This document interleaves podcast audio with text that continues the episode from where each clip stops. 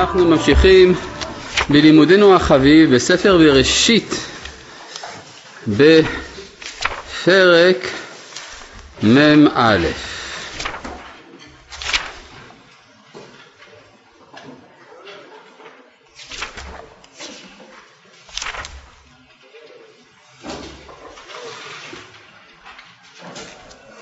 בפסוק נ"ג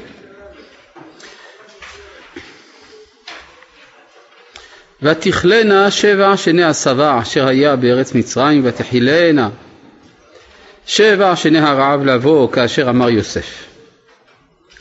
ויהי רעב בכל הארצות ובכל ארץ מצרים היה לחם. לחם הכוונה אוכל. ותרעב כל ארץ מצרים.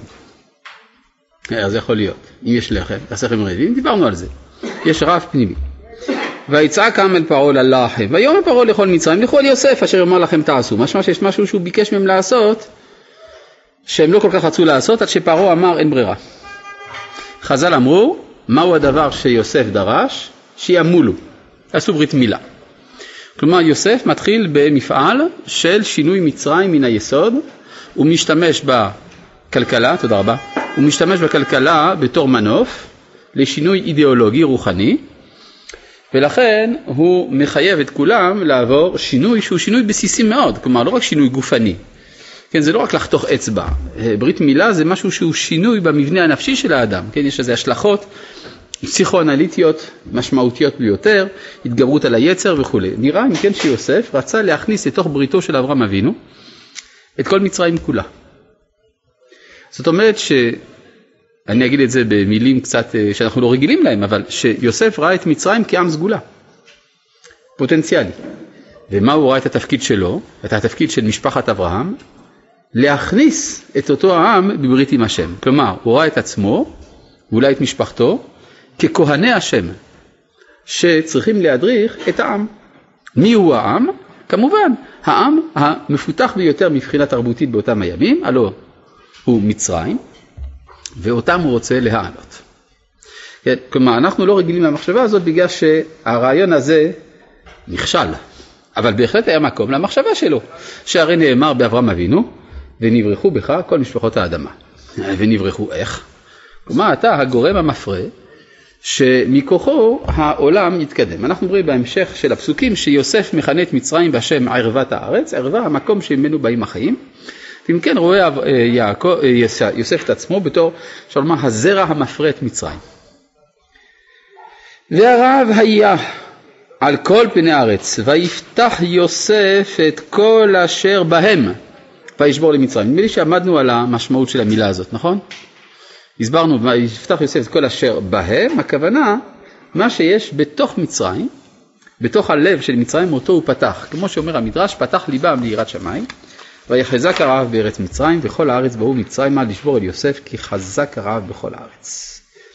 פרק מ"ב, פסוק א', וירא יעקב, כי יש שבר במצרים. זאת אומרת, יש שבר, שבר הכוונה, מה שמשבית את הרעב, כן? כמו שאדם שובר את הצום, אז יש שבר, כן? מה זה שובר את הצום? כלומר, הוא משביר את רעבונו, משבית אותו. אבל היה אפשר להשתמש בביטוי פחות נדיר, הכוונה שיעקב הבין שמשהו הולך ומשתנה. משהו נושא בקרבו פוטנציאל של שינוי בעולם. יש שבר במצרים, שוברים את הכלים. שוברים את הכלים, אז אם כן זה פוטנציאל לשינוי חיובי גם כן. יש, אה, אפשר לומר, מחלה יהודית מפורסמת, אבל היא מחלה חשובה, זה האופטימיות הכרונית. אופטימיות כרונית אומרת יהיה טוב. מתי אומרים את זה? במיוחד כשרע. כלומר, כשאנחנו רואים שמשהו רע, אז אנחנו מבינים שהיציבות מתערערת. היציבות מתערערת, אז אפשר לבנות משהו חדש. זה מה שאומר כל פסיכולוג לכל אדם שנתון במשבר, אדרבה, יש משברים, זה פוטנציאל לשינוי, להתפתחות וכדומה. אז זה מה שיעקב ראה, כי יש שבר במצרים. ויאמר יעקב לבניו למה תתראו? ויאמר הנה שמעתי כי יש שבר במצרים רדו שמה ושיברו. לנו משם ונחיה ולא נמות.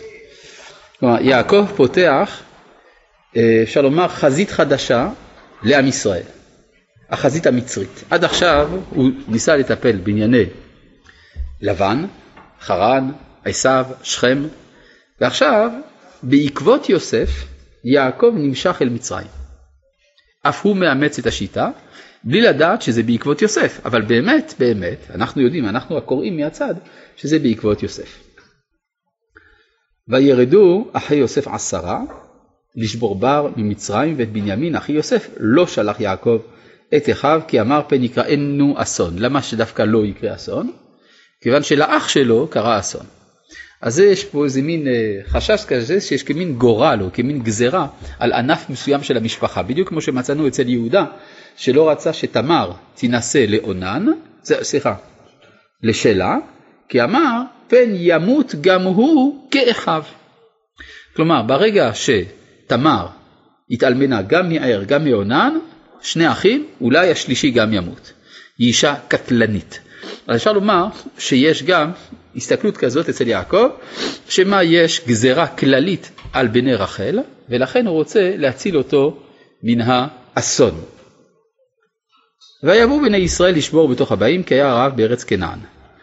ויוסף הוא השליט על הארץ, הוא המשביר לכל עם הארץ. שאלה, מה עושה יוסף כשהוא עומד בעמדה כזאת, עמדת ממשלה אדירה, הוא שולט בעצם על הגדולה שבממלכות באנושות. אז הוא מתעסק במצרים.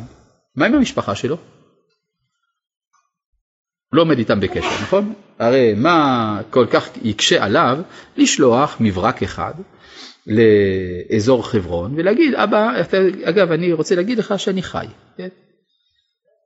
זה, הוא לא עושה את זה, מה?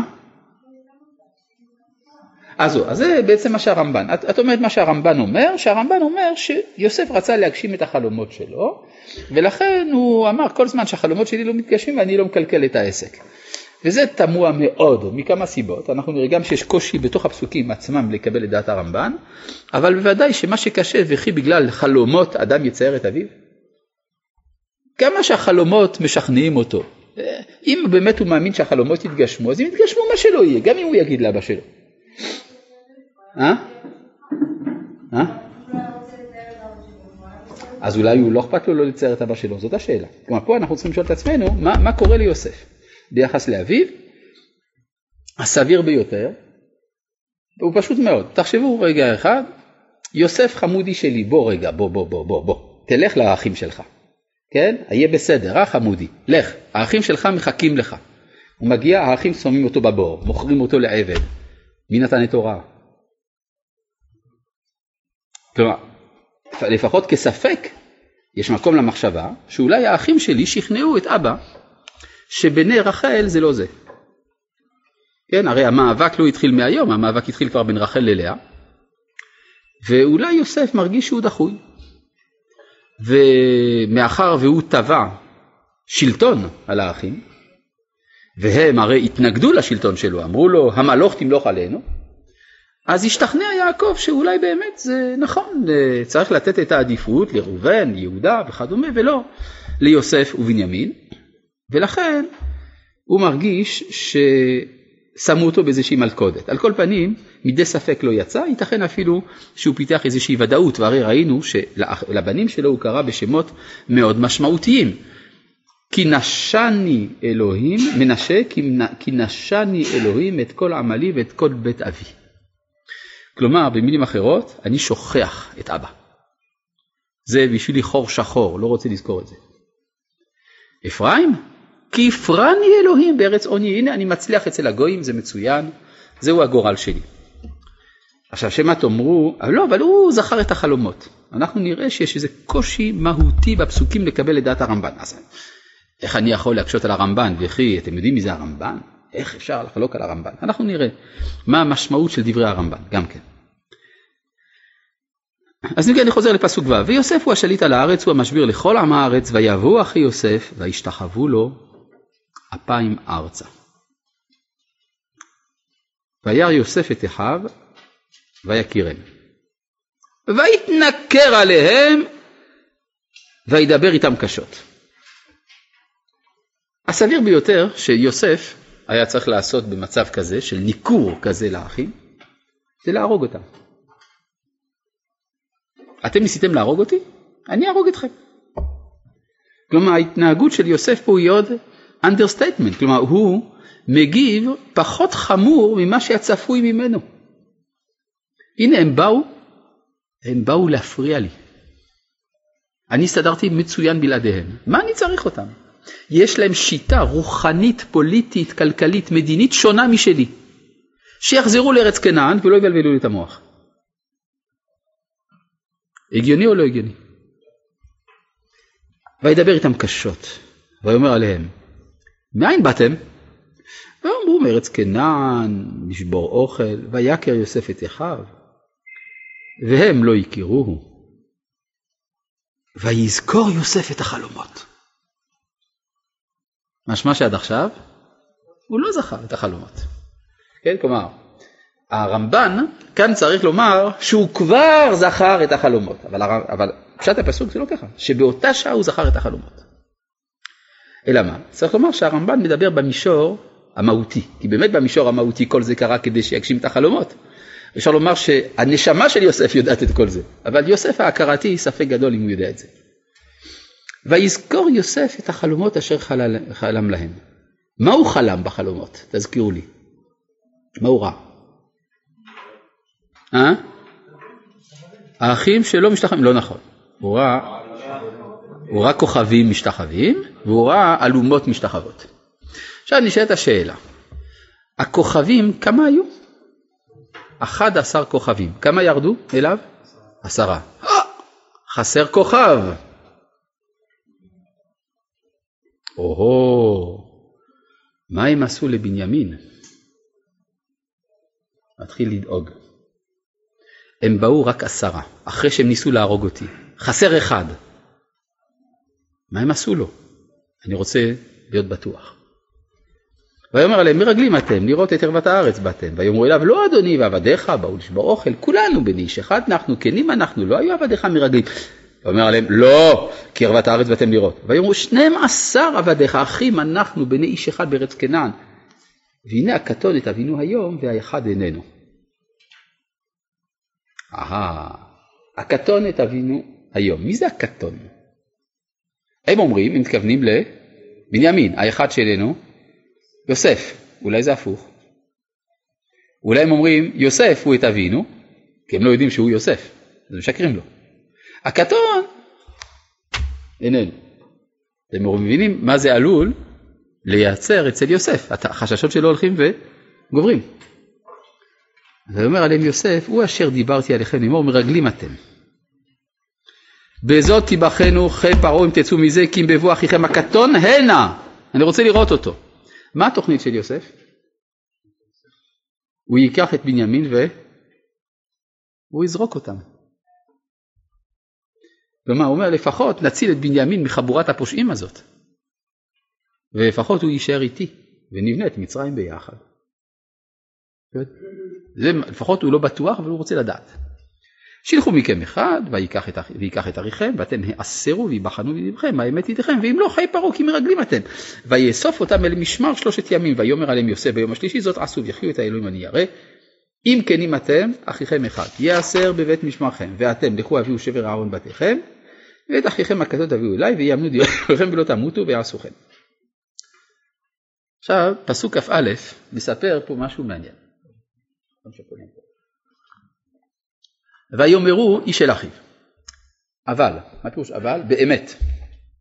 אשמים אנחנו. על אחינו. מי זה אחינו שהם מתכוונים אליו? יוסף. האם יוסף יודע שהם מדברים עליו? לא בהכרח. אבל אשמים אנחנו על אחינו אשר ראינו צרת נפשו והתחננו אלינו ולא שמענו על כן באה אלינו הצרה הזאת. ויען ראובן אותם לאמור, הלא אמרתי עליכם לאמור, אל תחטאו בילד, ולא שמעתם, וגם דמו הנה נדרש. המילה יוסף לא, לא מוזכרת פעם אחת. מה? ו... אבל הם לא יודעים שיוסף מבין את השפה שלהם, ולא, והם לא ידעו כי שומע יוסף, כי המלי עצבן אותם. וייסוב מעליהם ויבק. למה הוא בוכה? הוא חושב שהם הרגו את בנימין. בסדר? ויסוב עליהם ויבק. וישוב אליהם וידבר עליהם ויקח מאיתם את שמעון ויאסור אותו לעיניהם. הוא רוצה להיות בטוח על כל פנים, יש עדיין ספק. כן. אם לא יודעים שמדברים מול יוסף, באמת, הפירוש פה שיוסף יכול לחשוב שהם מדברים על בנימין, אז למה מקודם אמרו, הקטון תבין היום והאחד היום? זאת אומרת, יכולים להגיד זה שאלה ששאל אותם יעקב בהמשך. למה אמרתם לאיש, נכון? כן, לא. אם באמת הם, אה, אתם לא יודעים שהם מדברים. נו. לא יכולים להגיד לו, הקטון, לא יכולים להגיד, כן, השאלה הזאת, כפי שאמרתי לך כבר פעם אחת, אני לא מבין למה אני צריך לחזור על זה, היא השאלה ששאל יעקב אותם בהמשך, נכון? נכון? איך כתוב? תסתכל בבקשה בפסוק, בפרק מ"ג, פסוק ו', ויאמר ישראל, למה הראותם לי להגיד לאיש העוד לכם אח, נכון? זו השאלה שאתה שאלת, נכון? ויעקב, אמרתי לך כבר פעמיים שהוא שאל אותה, בסדר? אוקיי.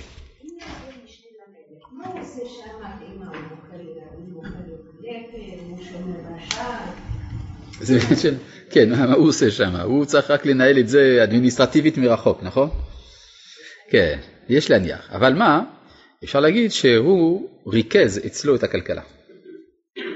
כלומר, הוא לא האמין באף אחד.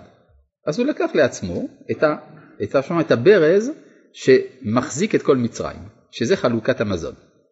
אז ברור שהוא לא היה בעצמו לוקח את השקים של החיטה, אבל היה מקבל את האנשים ושואל אותם כמה משפחות אתם מייצגים, כמה אתם צריכים וכדומה. ואז הוא נתן הוראה, נו, כך וכך. ויצב יוסף וימלאו את כליהם בר ולהשיב כספיהם איש אל שקו ולתת להם צידה לדרך ויעש להם כן ויישאו את שברם על חמוריהם וילכו משם. למה הוא מחזיר להם את הכסף?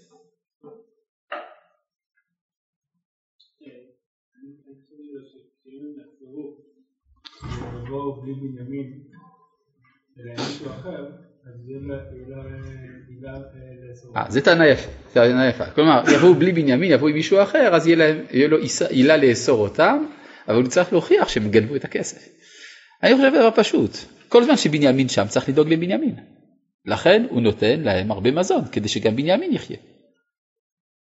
בנימין שם הרי. עם כסף קונים הרבה דברים. בסדר? כן. הוא לא יודע, לכן הוא דורש את זה. לכן בינתיים הוא לוקח את שמעון כבן ערובה. כן, הרי יש מקום לספק, דמו נדרש. הרגו, לא הרגו, לא ברור. ויפתח האחד את שקו לתת מספו לחמורו במלון, וירא את כספו, והנה הוא בפי אמתחתו, ויאמר אליך, ושב כספי, וגם הנה באמתחתי. ויצא ליבם ויחדו ויחרדו איש אל אחיו לאמור מה זאת עשה אלוהים לנו? ויבואו אל יעקב אביהם ארצה קנן ויגידו לו את כל הקורות אותם לאמור דיבר האיש. אדוני הארץ איתנו קשות והייתם אותנו כמרגלים את הארץ ונאמר אליו כנים אנחנו היינו מרגלים שנים עשר אנחנו אחים בני אבינו האחד איננו והקטון היום את אבינו בארץ קנן ויאמר אלינו האיש אדוני הארץ זאת תדע כי כנים אתם אחיכם אחד הניחו איתי ואת רעבון בתיכם קחו ולכו והביאו את אחיכם הקטון אליי וידעה כי לא מרגלים אתם כי כנים אתם את אחיכם ותן הארץ יסחרו ויהיה מריק מסכם והנה איש צור כספו בשקו ויראו את צרות כספיהם במאביהם ויראו ויאמר עליהם יעקב אביהם אותי שיקלתם יוסף איננו ושמעון איננו ואת בנימין תיקחו עליי היו כולנה. כן.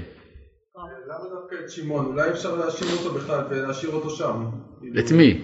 הוא זה שזרק אותו לבור. לא הבנתי את השאלה, מה השאלה? למה דווקא את שמעון הוא לקח? האחים יכלו להתנכר לשמעון בגלל שהוא כאילו אשם בכל הסיפור. הוא לקח דווקא את שמעון כי שמעון הוא החזק.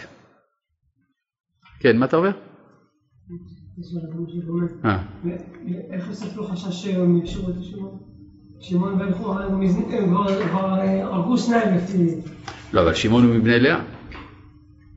לפי השיטה שלו, ההתנגדות היא לבני רחל, לא לבני לאה. כן.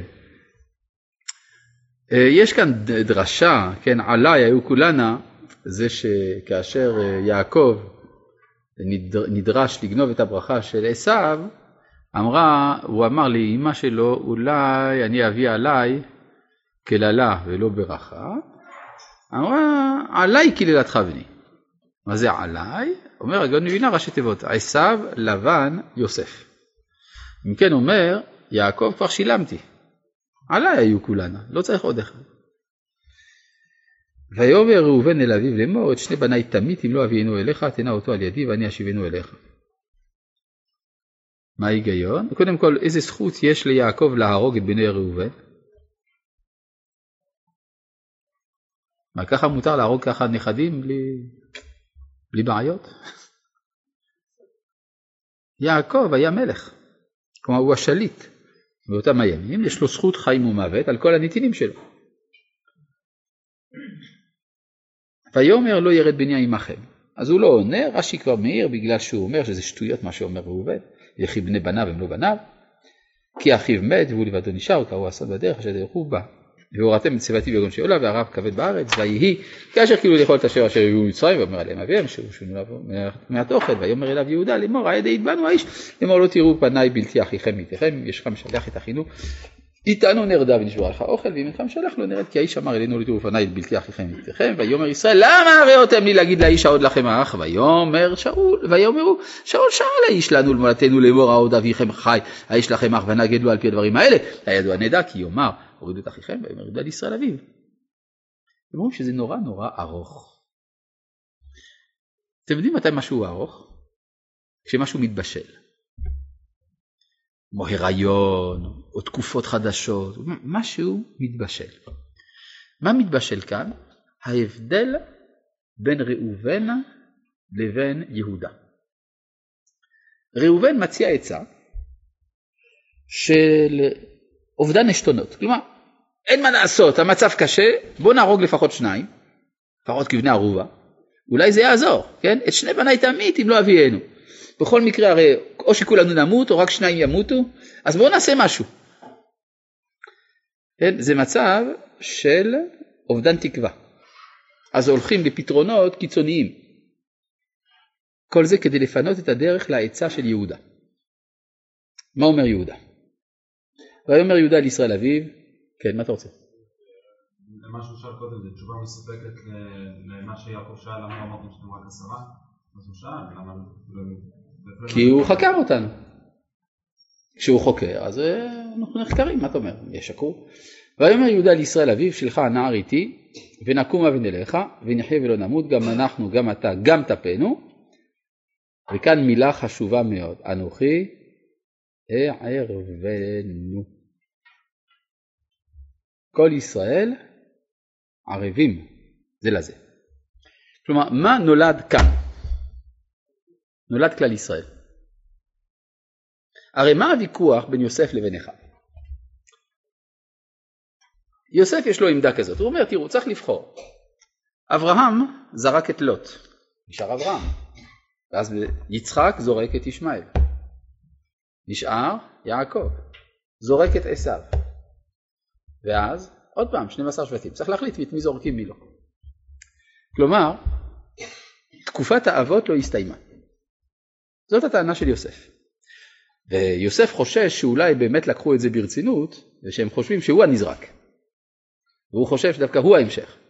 אבל על כל פנים, יש פה ויכוח בבירור. מי ממשיך את הזהות ישראל ההולכת ונבנית, ומי לא. מי הוא קליפה ומי תוך. יהודה אומר לו, יש לי רעיון חדש, אין קליפה ותוך, כולם ערבים זה לזה, נולד הכלל. עכשיו, על יסוד זה מובנת המחלוקת ההלכתית המפורסמת שיעקב, שיוסף האשים את אחיו שהם אוכלים איבר מן החי. מכירים את הטענה הזאת? זה מובא במדרשים. שהוא אומר שהם אוכלים איבר מן החי. יש את השאלה, הוא אמר את האמת או לא? אם נאמר שהוא לא אמר את האמת אז הוא שקרן, וכי יעלה על הדעת שיוסף היה שקרן. ואם נאמר שהוא, שהוא אמר את האמת וכי יעלה לדעת שהשבטים היו אוכלים איבר מן החי, אלא אמרו הדרשנים שהכוונה היא כזאת, הרי בהלכות איבר מן החי יש הבדל, הרי איבר מן החי אסור גם ליהודי, גם לישראל וגם לגוי, גם לגוי אסור לאכול איבר מן החי, מה זה איבר מן החי? חתיכת בשר שנלקחה מבהמה כשהיא עדיין בחיים. כן, זה אסור לקחת, גם לגוי זה אסור. שנאמר, אך בשר בדמו נפשו לא תאכל. ו... אבל יש הבדל בהלכה בין דיני גויים לבין דיני יהודים בזה. מתי מותר ליהודי לאכול מבשר של בהמה? ברגע שהיא נשחטה. השחיטה מבדילה בין אסור למותר. לא יודע אם ראיתם פעם תרנגולת אחרי השחיטה, אם עוזבים אותה, ממשיכה לרוץ. אז אה, או כששוחטים בהמה, כבש או פרה, גם אחרי השחיטה, אחרי שכבר יוצא הדם, יש איזה שלב שבו היא מפרכסת. כן? היא מזיזה את איבריה, ורק אחרי זה מפסיקה לזוז. לפי ההלכה, ברגע שהייתה השחיטה, למרות שהבהמה עדיין בתנועה, מותר לאכול מהבשר. לעומת זה, לבני נוח, זה אסור עד שהבהמה שובתת לגמרי מתנועה. עכשיו, השאלה היא, מה הם בני יעקב? האם הם ישראל או בני נוח? אם תקופת האבות לא הסתיימה כדעת יוסף, אז אסור לאכול מהבשר הזה, כל זמן שהבהמה מפרכסת. ואם הם כבר בני ישראל, אז מותר לאכול בהמה מפרכסת. ואמרו הדרשנים, ועל משנה למלך למשל, שהאחים היו אוכלים מבהמה מפרכסת. ועל זה אמר יוסף שהם אוכלים איבר מן החי. עכשיו מובנת המחלוקת. כי הרי וכי יעלה על הדעת שהם כאלה ראוותנים שהם לא יכולים להתאפק עוד 30 שניות עד שהבהמה תפסיק לזוז. יודעים מה, שתי דקות. אי אפשר, הם חייבים מיד לאכול. אלא הם רצו להוכיח משהו בזה. הם עשו את זה בכוונה, כדי לחזק את הטענה שלהם שהם כבר זהות חדשה. ברור? אז כאן אפשר לומר שיהודה ממשיך בעמדה הזאת, הוא אומר אנוכי הערבנו, יש כבר כל ישראל ערבים זה לזה, הכלל נולד, כן. לא.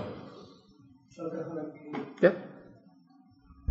הכשרת הבשר במליחה וכולי זה רק אם אתה רוצה לבשל אותו, אם אתה לא רוצה לבשל אותו אתה לא צריך. כן. אבל זה כבר דיני יורה דעה, אנחנו לא עכשיו ניכנס לזה. כן. אנוכי יערבנו.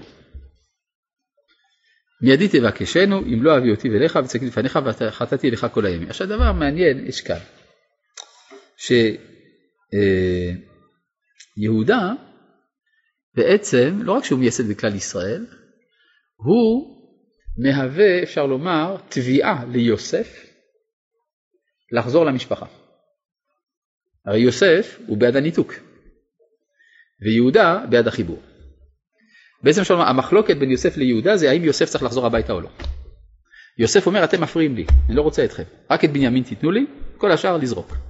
יהודה אומר מה פתאום, אתה חלק מהעניין, אתה לא תעזוב אותנו, בעל כוחך. זה העניין של אנוכי ערבנו. דבר נוסף פה מופיע, זה האמונה בהישארות הנפש לחיי העולם הבא. נכון? כך כתוב, נכון? אם לא אביא אותי ולך והצגתי לפניך, וחטאתי לך כל הימים. מה זה כל הימים? הרי זה פשיטה, אם מדובר בחיי העולם הזה, ברור שאם לא תקיים, אז אתה חוטא. מה, מה, מה הדבר שיכול פה לשכנע את יעקב? מה, מה יש ליהודה להפסיד? זה כמו אדם שעשה פשלה אדירה ואומר אני לוקח את כל האחריות. נו ומה? לא עושה כלום. בסדר? לקחתי את כל האחריות. ודאי שיש פה משהו אחר. יהודה מעורב נשמתית במה שקורה. כאילו להתמהמנו כי עתה שבנו זה פעמיים ויאמר עליהם ישראל אביהם אם כן איפה זאת עשו קחו מזמרת הארץ בכליכם והורידו לאיש מנחה מעט צורי ומעט דבש נכות ועלות בוטנים ושקדים. אגב מעניין אם כן יש אוכל בו בארץ. למה הם כאלה לחוצים על חיטה? הרי יש. כן? צורי, דבש, נכות, לוט, בוטנים, שקדים. אה? מעט, אבל, אבל יש. זמרת הארץ, זה מה שהארץ היא משובחת בו. רגע, בוטנים, מה זה? זה לא הפינאץ. כן? מה? מה פתאום? יש בערבה אה, עץ שעד היום הזה הבדואים קוראים לו בוטן והוא נותן איזה פרי. נקרא בוטן. אז זה הפרי הזה. לא, לא משנה, אבל מה שזה אומר שבארץ ישראל המיוחד זה הפירות. בארץ מצרים נותנת חיטה. חיטה זה היסוד. כן? אבל בארץ ישראל יש פירות. כי הרי חיטה כדי להפוך אותה ללחם צריך לאבד אותה. שם יש ביטוי לקללה שנתקללה האדמה, שאי אפשר לאכול לחם בלי זיעת אפיים. בארץ ישראל הכל מוכן, זה התיקון של הארץ. אגב, הרבי נחמן מברסלב אומר, תיקחו ניגון של ארץ ישראל, זמרת הארץ.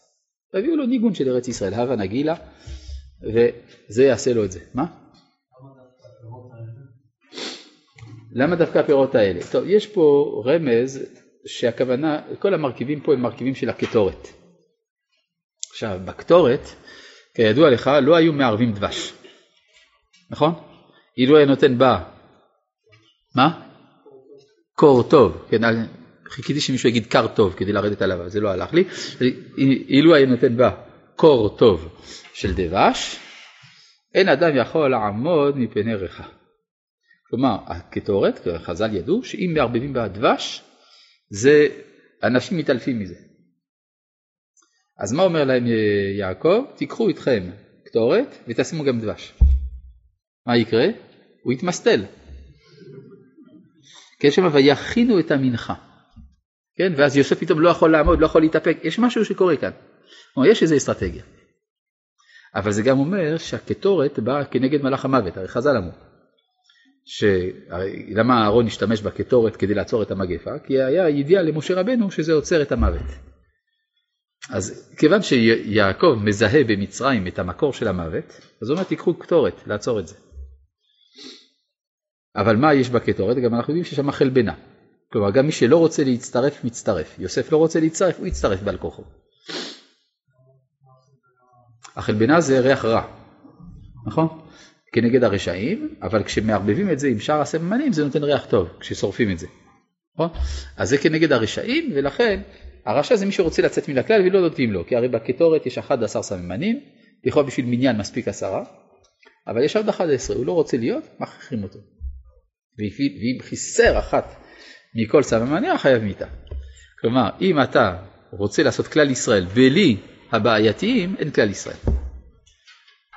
טוב, וכסף משנה קחו בידכם, והכסף המושב לפי המתיחותיכם, תשיבו בידכם, אולי משגעו, ותכיכם קחו, וקומו שבו אל האיש, ואל שדי. ייתן לכם רחמים לפני האיש, ושילח לכם את אחיכם אחר ואת בנימין, ואני כאשר שכלתי שכלתי. מה זה אל שדי? אל שדי זה מי שאחראי על התולדות. כי הרי מה, מה חשב יעקב בזה שיוסף נעלם? שהוא נכשל בהקמת כלל ישראל. אבל אולי יש אפשרות לתקן את החיסרון על ידי שאל שדי יתערב. ויקחו אנשים את המנחה הזאת ומשנה כסף לקחו בידם ואת בנימין ויקומו וירדו ממצרים ויעמדו לפני יוסף והיה יוסף איתם את בנימין ויאמר לאשר על ביתו הבא את האנשים הביתה וטבח טבח ואכן כי איתי יאכלו אנשים בצהריים ויעש האיש כאשר אמר יוסף. ויביא האיש את האנשים בית יוסף ויראו האנשים כי הוא בית יוסף ויאמרו על דבר הכסף עכשיו במתחותינו בתחילה אנחנו מובאים להתגולל עלינו לנפל עלינו ולקח אותנו לעבדים את חמורינו ויגשו אל האיש אשר על בית יוסף וידברו אליו פתח הבית ואמרו בי אדוני ירוד ירדנו בתחילה לשבור אוכל ויהי כיוונו אל המלון ונפתחה את המתחותינו והנה כסף איש בפי אמתחתו כספנו במשקלו ונשב אותו בידינו וכסף אחר הורדנו בידינו לשבור אוכל לא ידענו מי שם כספנו במתחותינו ויאמר שלום לכם אל תיראו אלוהיכם ואלוהי אביכם נתן לכם מטמון במתחותיכם כספיכם בעלי ויוצא עליהם את שמעון. הוא רוצה לקנות את האמון שלהם. כן. שהאיש זה מלאך. האיש זה מלאך, אתה אומר. זה לא אני אמרתי. אתה אומר שאני אמרתי שהאיש זה מלאך. זה לא אני אמרתי. אז אה, חז"ל אמרו שהאיש זה מלאך. כן? אז אתה אומר שגם פה, אולי, לא יודע, לא ראיתי מדרש שאומר את זה. ויהווה האיש את האנשים ביתה יוסף, ויתן מים וירחצו רגליהם, ויתן מספול החמורה, ויכינו את המנחה עד בו יוסף בצהריים, כי שמרו כי שם יאכלו לחם. ויבוא יוסף הביתה, ויביאו לו את המנחה אשר בידם הביתה, וישתחוו לו ארצה, וישאל להם לשלום, ויאמר השלום אביכם מהזקן אשר אמרתם. העודנו חי, ויאמרו שלום לעבדך לאבינו עודנו חי, ויגדו וישתחוו. שאלה, האם בעקבות התשובה הזאת יודע יוסף אם אביו חי או לא?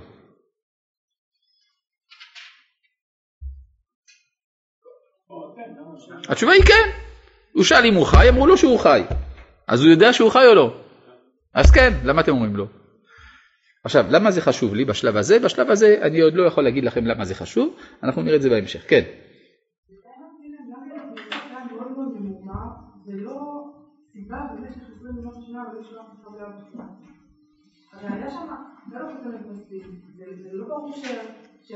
אבל הורידו לו את כותנת הפסיב, רק הגיע הורידו לו את כותנת הפסיב, זה הדבר הראשון שעשו, אז כנראה שהייתה הוראה להוריד לו את הכותנת. חוץ מזה אמר לו, יש פירוש אחר, כן? ראה את שלום אחיך. והשיבני דבר. אז הוא אמר כל הזמן שאני לא, של... לא עושה שלום עם האחים, אני לא יכול להשיב לו דבר. כן.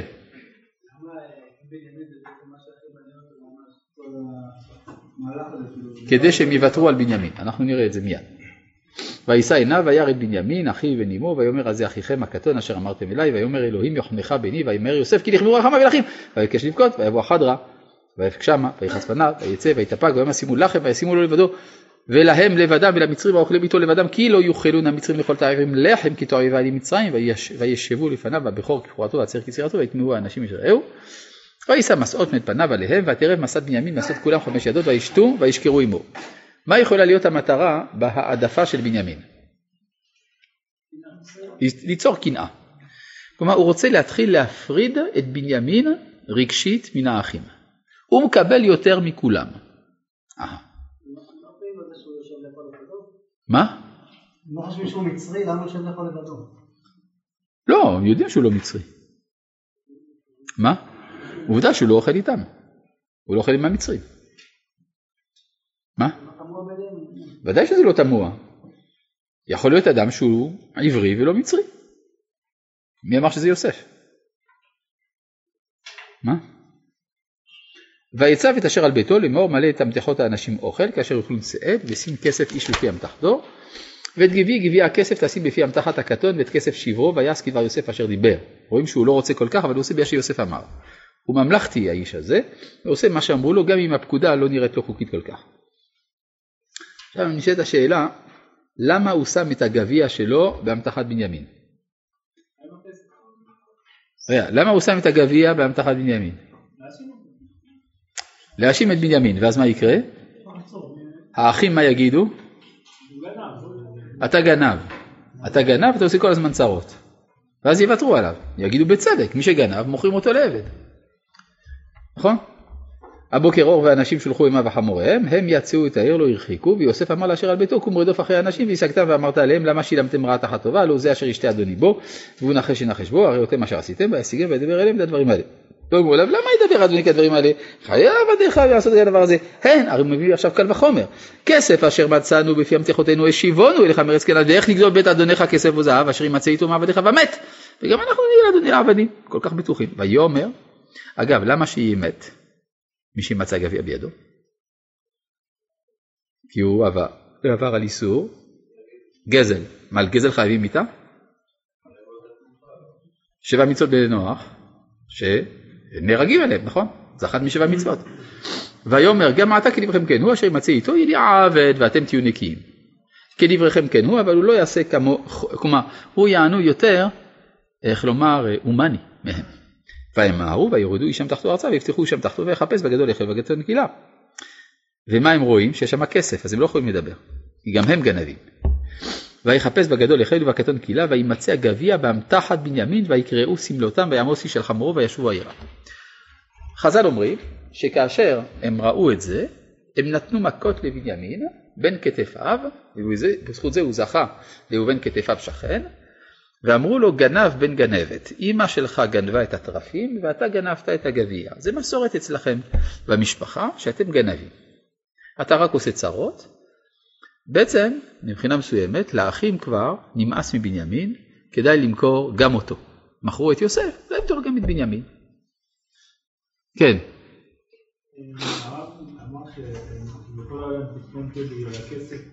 נכון.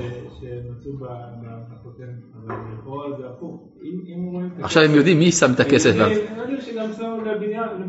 ה... לא, הוא שם לב שעכשיו זה בנימין, הם חושבים שזה בנימין החזיר את כל הכסף. עכשיו יודעים מי עשה את זה. בפעם שעברה הם לא יודעים איפה זה בא, פעם הזאת הם יודעים איפה זה בא, הם יודעים, אה, הגביע באמתחת בנימין, וגם הכסף באמתחותינו, מי שם אותו באמתחותינו? בנימין עשה את זה. הוא סיבך את כולם. ויבוא יהודה ואחיו ביתה יוסף והוא עודנו שם ויפלו לפניו ארצה ויאמר להם יוסף מה מעשה הזה אשר עשיתם הלא ידעתם כי נחש ינחש איש אשר כמוני. ויאמר יהודה מה נאמר לאדוני מה נדבר ומה נצדק האלוהים מצא את עוון עבדיך. הם מתכוונים לעוון שלהם אבל הסגנון הוא שהם מודים לטענה של יהודה. של, של יוסף. למה יהודה מדבר בסגנון המסגיר אותו לכאורה? כי הוא רוצה סיבה להישאר עבד אצל יוסף, כדי לשמור על בנימין. ולכן הוא מעדיף להאשים את עצמו כדי להיות בחבילה אחת. לכן הוא אומר, הננו עבדים לאדוני, גם אנחנו, גם אשר נמצא הגביע בידו. אם זה יצליח, כלומר אם יוסף יצ... יסכים לדבר הזה, כל התוכנית של יוסף נכשלת. הוא רוצה הרי להפריד ביניהם. ולכן אומר יוסף משפט מאוד יפה. ויאמר, חלילה לי מעשות זאת. האיש אשר נמצא הגביע בידו הוא יהיה לי עוול, ואתם עלו לשלום אל אביכם. בשלב הזה, מה יוסף חושב שיקרה? שהם יסכימו, ישאירו את, את בנימין, מרוצים מזה שהם נפטרו מן הגנב העושה בעיות, וימלטו על נפשם לארץ כנען. ולעולם הוא לא יראה אותם יותר. ולכן הפרשה מסתיימת כאן. מדוע היא מסתיימת כאן? כי זה הפסגה של ההצלחה של שיטתו של יוסף. מהפסוק הבא ואילך, זה באמצע שיחה הרי. גומרים פרשה, דוחים בשבוע הבא את ההמשך. תמיד יש מתח בבית הכנסת, מה יהיה? כן? יש כאלה שמתפללים מנחה, אז כבר מתחילים לראות, אבל גם שם זה לא מסתיים. אבל מה, מה שקורה כאן זה שבעצם יוסף, מהפסוק הבא, מתחיל ליפול. כל השיטה שלו מתבררת כשגויה. ויגש אליו יהודה. כן. מה? לא הבנתי איזה שני עוונות היו פה שהוא התכוון למשהו אחד והם מתכוונים למשהו אחר. הם רוצים להישאר עם בנימין, כי הם כבר אימצו את השיטה של יהודה, לכן כתוב ויבוא יהודה ואחיו, למה לא כתוב אחי בנימין או אחי יוסף? אלא יהודה הוא עם השיטה של אנוכי יערבנו, בעצם הכל עכשיו מוטל עליו. ולכן הוא חושב להיות עבד יחד עם בנימין כדי לשמור על בנימין. אבל יוסף לא מעוניין בזה, יוסף מעוניין להישאר עם בנימין לבדו, כן מה? נכון, יוסף לא מכיר את השיטה הזאת. כלומר, עבור יוסף הרעיון של ערבות כלל ישראלית זה חידוש מוחלט. הוא לא בקטע הזה בכלל. כן. אגב, יש עוד משהו שיוסף ראינו שהוא לא יודע, הוא לא יודע את סוד התשובה. אין חזרה מחטא. אם חטא, אז נופלים. לכן ליוסף אסור לחטוא, לכן הוא יוסף הצדיק. אסור לו לחטוא. יהודה אומר, חטאתי, אני מתקן. בעל תשובה. זה המחלוקת מה עדיף על מה, האם צדיק גמור או בעל תשובה. כן. בסדר. אה, ויגש אליו יהודה. בלתי צפוי. ויגש אליו יהודה. אמרו חז"ל שעל זה אמר הכתוב כי הנה המלכים נועדו. יש פה שתי שיטות של מלכות. שתי שיטות של הנהגת האומה. השיטה של יוסף, השיטה של יהודה, שיהפכו בבוא הזמן גם לשתי שיטות משיחיות של משיח בן יוסף ומשיח בן דוד, אבל בשלב הזה זה שתי הנהגות שהן מתנגשות זו נגד זו. בסדר? וכאן יהודה הולך להרוס את הכל. אמרו חז"ל במדרש, שיהודה אמר, אם אינך נותן לי את בנימין, אתה לא משחרר אותו, אני ממלא את כל שווקי מצרים בדם. אפילו חז"ל אומרים שהוא לקח שני סלעים, הכניס לפה שלו, הוציא את זה בצורה של חצץ. אפשר לעשות מזה סרטים, משהו, חבל על הזמן, במיוחד מצוירים. והוא אמר, או שאתה משחרר אותו, או שכל מצרים מלאה בדם. אמרו לו אחיו, יהודה, בנימין, סליחה, מצרים איננה שכם. אם החרבת את מצרים, נמצאת מחריב את העולם כולו. כלומר, הם הבינו מה זה מצרים. מצרים זה כל העולם. אי אפשר להחריב את מצרים. אבל צריך למצוא איזשהו פתרון. ויאמר, בי אדוני, ידבר מעבדיך דבר באוזני אדוני, ואל יחר אפיך בעבדיך, כי חמורך כפרעה. אדוני שאל את עבדיו לאמור, יש לכם אב או אח? ואומר אל אדוני, יש לנו אב זקן, וילד זקונים קטן, ואחיו מת, ויוותר הוא לבדו, ואמו ואביו ואיבו. ותאמר אל עבדיך הורדו אליי ואשימה עיני עליי ונאמר אל אדוני לא יוכל הנער לעזוב את אביו ועזב את אביו המת. ותאמר אל עבדיך אם לא ירד לכם קטון איתכם? לא תוסיפו לראות פניי. ויהי כי עלינו אל עבדך ונגיד לא דירה אדוני. ויאמר אבינו שובו שובו מעט אוכל ונאמר לא נוכל לרדת אם יש אחינו הקטון איתנו וירדנו כי לא נוכל לראות את פני האיש ואחינו הקטון איננו איתנו. כל זה יוסף יודע כבר מזמן מה החידוש כאן? ויאמר עבדך אבי אלינו אתם ידעתם כי שניים ילדה לי אשתי כאן יש נאום של יעקב, שלא הכרנו אותו מקודם, שיהודה מוסר אותו כאן לראשונה. ויצא האחד מאיתי ואומר, אך טרוף טורף ולא ראיתיו עד הנה. מה יוסף לומד מהפסוק הזה? שאביו לא יודע מה קרה לו, ושאביו איננו שותף. המשפט הזה הורס בהינף יד את כל מה שיוסף חשב כל השנים. הכל מתמוטט. ולקחתם גם את זה מפניי וקראו אסון והורדתם את שיבתי ברעשי עולה ועתה קרבו אל עבדך אביו והנער איננו איתנו ונפשו קשורה בנפשו והיה אותו כי אין הנער ומת והורידו עבדיך את שיבת עבדיך אבינו ביגון שאולה כי עבדיך הרב את הנער מעם אבי לאמור. יש פה ערבות, אתה לא יודע, יש כלל ישראל עכשיו, אנחנו מערבים. אם לא אבינו אליך וחטאתי להביא כל הימים. ואתה ישב נא עבדך תחת הנער עבד לאדוני והנער יעלים אחיו כי יחל אל אביו והנער ינהלו איתנו פני רבה אשר ימצא את אבי. מה מבין כאן יוסף? שהוא טעה לאורך כל הדרך. ואז הוא מוכרח לחזור למשפחה. כן. נראה שהתפיסה של העבדות הזאת התגבשה מתי שיהודה הציע אותה. נכון. זה לא היה לפני. נכון. הוא לא טעה, הוא פשוט... אה, הוא לא ידע שזה כך. טוב, הוא טעה לא להבין שדבר כזה יתגבש. ולא יכול יוסף להתאפק לכל הניצבים עליו, ויקרא הוציאו כל איש מעלי ולא עמד איש איתו בלבדה יוסף אל אחיו, וייתן את קולו בבכי, וישמע, וישמעו מצרים וישמע בפרעה. למה הוא בוכה? בגלל הטעות. זה לא סתם רגשנות, הוא הבין את הטעות אז הוא בוכה. כן.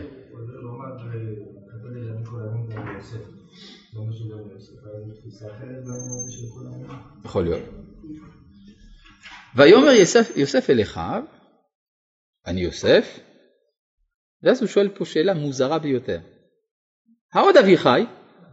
הרי הוא יודע מה התשובה, לא? הרי אמרו לו שאביו חי, בינתיים האחים לא חזרו הביתה, אין להם מידע נוסף, אולי בינתיים יעקב מת. אז מה זה העוד אבי חי הזה?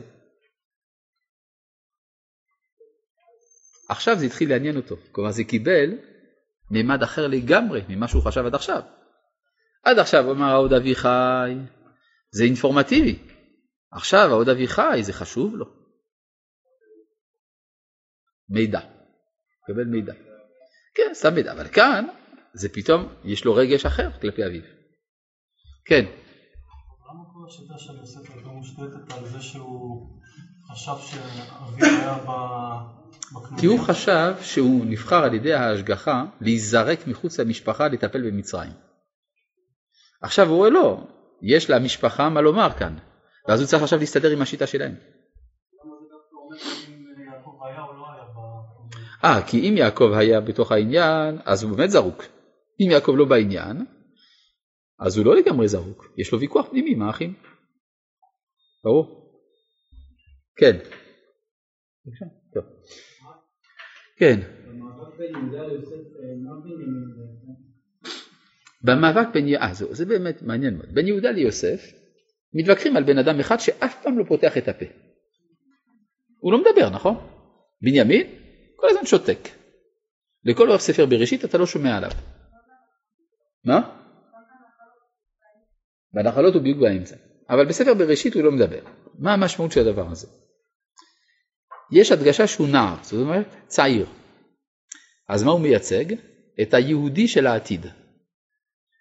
תמיד אנשים, הרי על מה, מה רבים? אנשים בעלי השפעה בחברה, על מה הם רבים? על נפש הנוער קודם כל. כי הנוער מייצג את העתיד. בעצם הוא מייצג את מה שעתיד להיות. ולכן כל אחד רוצה אותו.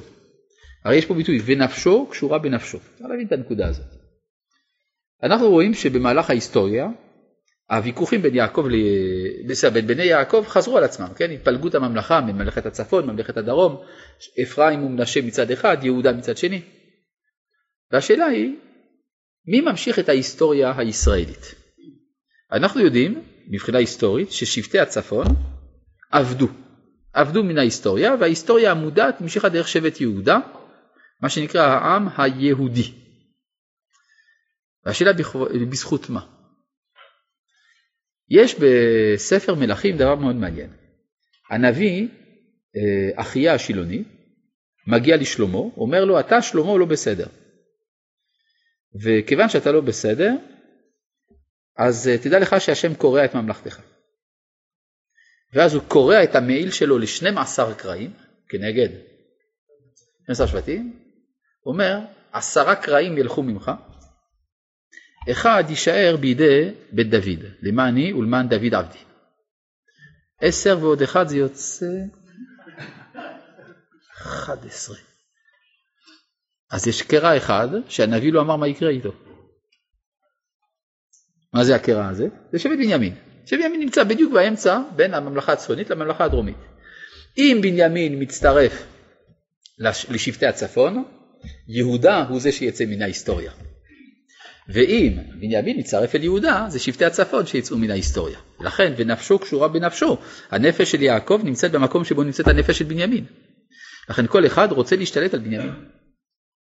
כלומר, זה, הוא, הוא התקווה, הוא העתיד.